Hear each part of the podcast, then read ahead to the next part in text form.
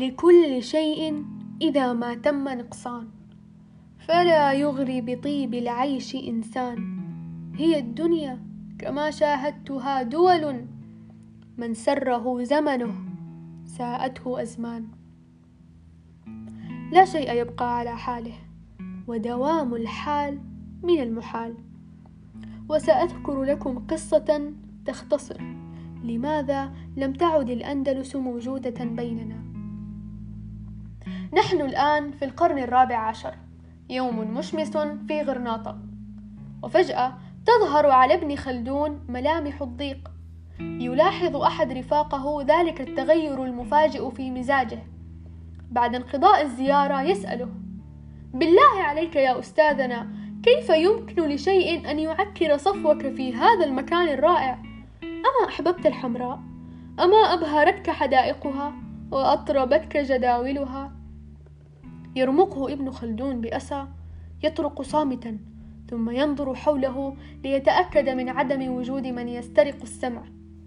يهمس لسائله وهو يضغط أسنانه وكيف لي أن أبتهج وأنا أشاهد علامات النهاية؟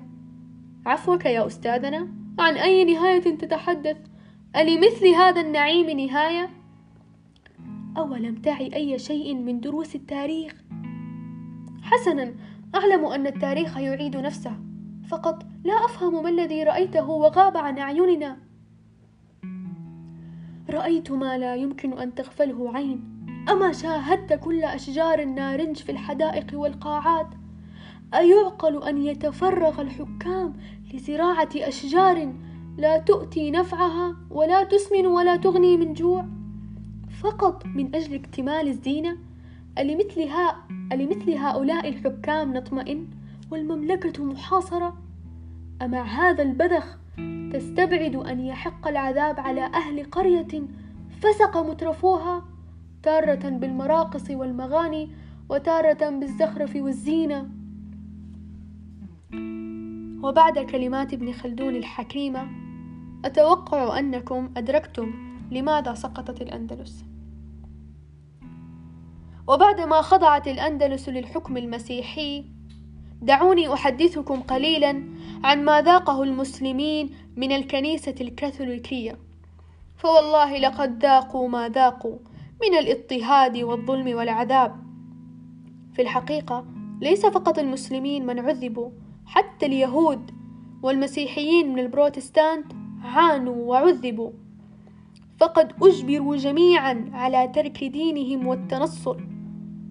وكان أغلبهم يكتم إيمانه في صدره حتى أطلق على المسلمين الذين أجبروا على التحول للمسيحية تحت ضغط محاكم التفتيش لقب المورسكريين وفعلا صدق الله تعالى عندما أخبرنا في كتابه الكريم أن النصارى لن ترضى حتى نتبع ملتهم. ولكن سبحان الله لم يتذكروا كيف كانوا يعاملوا في عصر حكام المسلمين. فقد كانت لهم كامل حريتهم في التعبير عن دينهم ولهم احترامهم ومكانتهم. 1499 يتغير هواء غرناطة إلى الأبد. برماد ما يقرب من ثمانين ألف مؤلف. بعد أن أعطى الكاردينال أوامره بإحراق عشرات آلاف الكتب والمخطوطات العربية والعبرية. هل يمكن استحضار أرواح تلك الكتب لتخبرنا عما حملته من مكنونات صدور وعلم مصيره القبور؟ عشرات المساجد تم تحويلها إلى كنائس. تخيلوا أن الظلم وصل في محاكم التفتيش حتى بعد وفاة المورسكيين يتم نبش القبور للتأكد من أن الدفن لم يتم على الطريقة الإسلامية.